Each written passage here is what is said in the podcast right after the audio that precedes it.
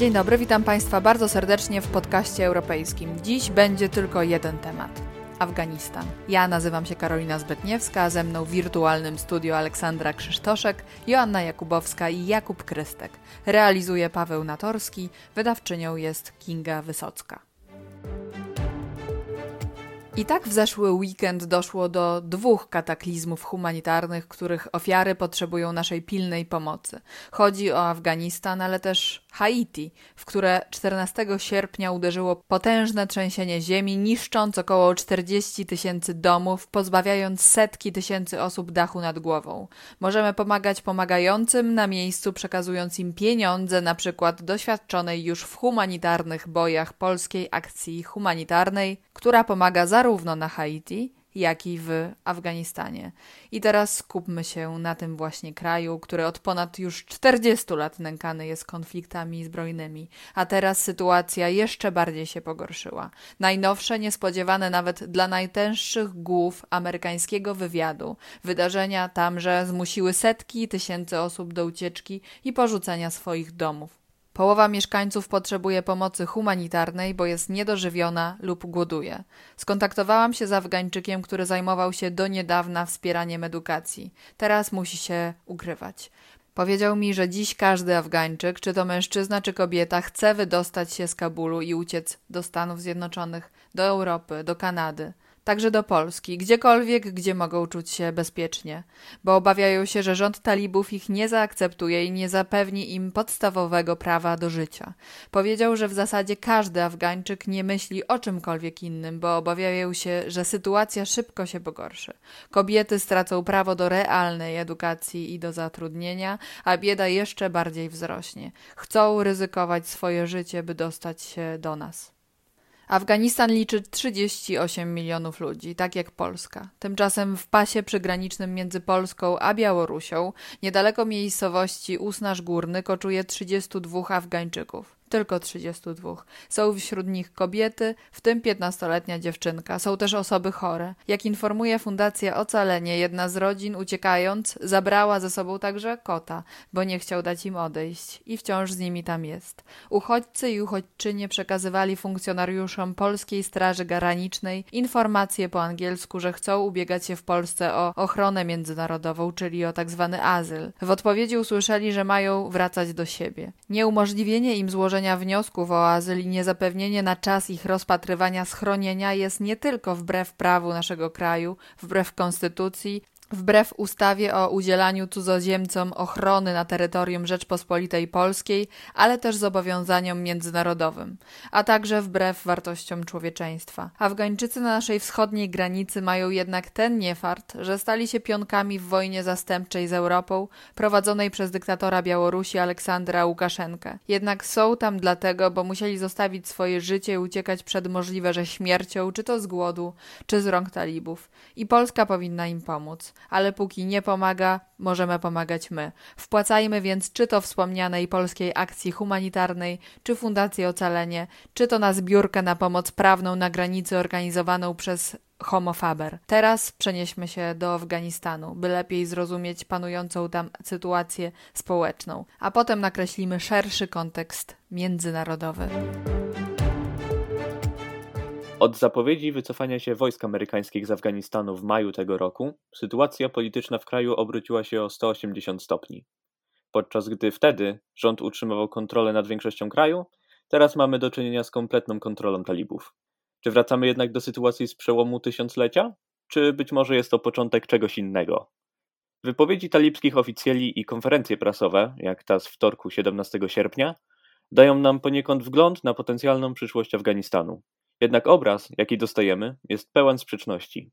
Na wcześniej wspomnianej konferencji rzecznik prasowy talibów Zabihullah Mujahid przedstawiał ich w zaskakująco nowoczesny sposób, jak na religijnych fundamentalistów.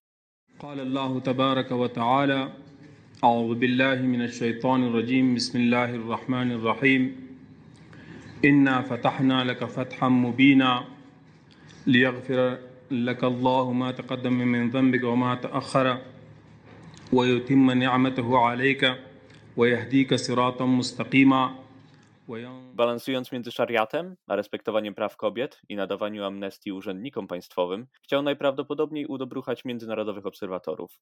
Talibowie dali nawet gwarancję zachowania wolności mediów i pozwalają zagranicznym reporterom na monitorowanie sytuacji w kraju. Jak jednak jest w rzeczywistości? Talibowie uwalniają z więzień bojówkarzy islamskich grup terrorystycznych, strzelają do protestujących, łupią sklepy. A protestów w miastach nie brak. W Asadabadzie doszło do zastrzelenia kilku osób podczas manifestacji z okazji Święta Niepodległości. W Jalalabadzie natomiast rozstrzelano trzech protestujących z flagami republiki, zaś w samej stolicy, według raportów, strzały podczas protestów wymierzone były w powietrze.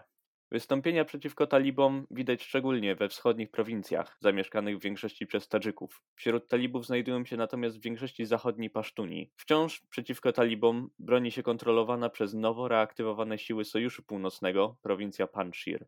Istnieje duże prawdopodobieństwo, że represje polityczne nie zakończą się tutaj. W nadchodzących tygodniach możemy spodziewać się bardziej stanowczych działań ze strony nowych rządzących. Kiedy tylko uwaga światowych mediów przestanie być skupiona na Afganistanie, niemal pewne jest, że 2,5 miliona afgańskich uchodźców rozsianych po świecie pożerzy się o kolejnych uciekających przed terrorem ludzi. A co zrobi świat w obliczu tych wydarzeń? O tym opowie Ola.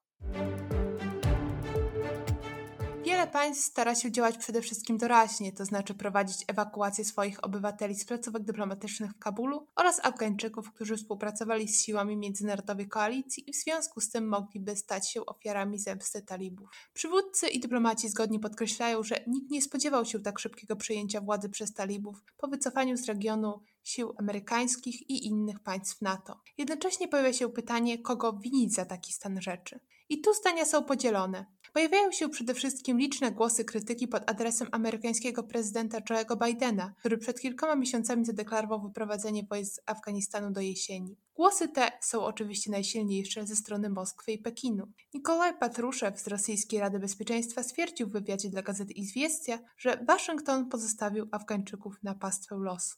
Biden nie wydaje się jednak żałować swojej decyzji. Przypomniał on, że celem misji w Afganistanie było pokonanie terrorystów z Al-Kaidy, a nie zaprowadzenie tam demokracji. Tłumaczył też, że nie można narażać amerykańskich rodzin na dalszą rozłąkę z bliskimi poprzez jeszcze dłuższą obecność żołnierzy w Afganistanie. How many more generations of America's daughters and sons would you have me send to fight Afghans, Afghanistan's civil war when Afghan troops will not? How many more lives, American lives, is it worth? How many endless rows of headstones at Arlington National Cemetery? I'm clear on my answer. I will not repeat the mistakes we've made in the past. Prezydent zwrócił ponadto uwagę, że opuszczenie Afganistanu nie było pierwotnie jego decyzją, a jego poprzednika Donalda Trumpa, który w lutym ubiegłego roku wynegocjował z talibami umowę przewidującą wyprowadzenie amerykańskich sił do maja bieżącego roku. Choć w ostatnim wywiadzie dla ABC News przyznał, że dążyłby do zakończenia misji, nawet gdyby Trump takich kroków nie podjął. Sekretarz stanu Antony Blinken stwierdził natomiast, że pozostanie w Afganistanie na kolejny rok, 5 czy 10 lat nie jest w narodowym interesie Stanów Zjednoczonych. W obronie stanowiska Waszyngtonu stanął we wtorek sekretarz generalny NATO Jens Stoltenberg. Choć przyznał, że jest głęboko zasmucony tym, co widzi w Afganistanie, to podkreślił, że sojusznicy nigdy nie planowali pozostać tam na zawsze. We never intended to stay in Afghanistan forever. Over the past few years, from over 100,000 troops, we went down to less than 10,000 and now to zero. But what we have seen in the last few weeks was a military and political collapse at a speed which had not been anticipated. Wyjaśnił, że państwa NATO, wycofując swoje wojska, zdawały sobie sprawę z ryzyka i decyzja o opuszczeniu regionu nie przyszła im łatwo, ale jednocześnie wiedzieli, że alternatywą jest najprawdopodobniej zwiększenie obecności w Afganistanie natowskich oddziałów i ponowne zaangażowanie w walki. O ile wiele państw odpowiedzialnością za zwycięstwo talibów obarcza Stany Zjednoczone, to Stoltenberg winę przypisuje afgańskim władzom, które według słów Norwega nie oparły się talibom i nie wypracowały pokojowego rozwiązania, jakiego potrzebują Afgańczycy. Odpowiedzialność za wybuch kryzysu to jedna sprawa, a drugą sprawą jest to, jak poszczególne państwa wyobrażają sobie przyszłą współpracę z talibami. Szef brytyjskiej dyplomacji Dominic Raab stwierdził, że świat musi poradzić sobie z nową rzeczywistością. Z kolei jego niemiecki odpowiednik Heiko Maas zapowiadał rozmowy z talibami, ale w tym przypadku nie chodzi jednak o nawiązywanie oficjalnych stosunków, a wynegocjowanie bezpiecznej ewakuacji Afgańczyków, którzy współpracowali z Niemcami. Inne są reakcje na wschodzie. Współpracować z talibami chcą Turcja i Chiny, które już kilka tygodni temu rozpoczęły rozmowy dyplomatyczne z bojownikami. Entuzjastycznie nastawione są Pakistan i Iran. Pakistański premier Imran Khan scharakteryzował odzyskanie Afganistanu przez talibów jako zerwanie kajdan amerykańskiego niewolnictwa, zaś prezydent Iranu powiedział, że porażka Stanów Zjednoczonych jest doskonałą okazją do ożywienia, bezpieczeństwa i trwałego pokoju w Afganistanie. Z trudną sytuacją w Afganistanie wiąże się także kwestia afgańskich uchodźców przyjmowanych do Europy. Większość państw europejskich, wcześniej skłonnych odsyłać uchodźców, którzy nie otrzymali azylu, teraz zaprzestały tej praktyki.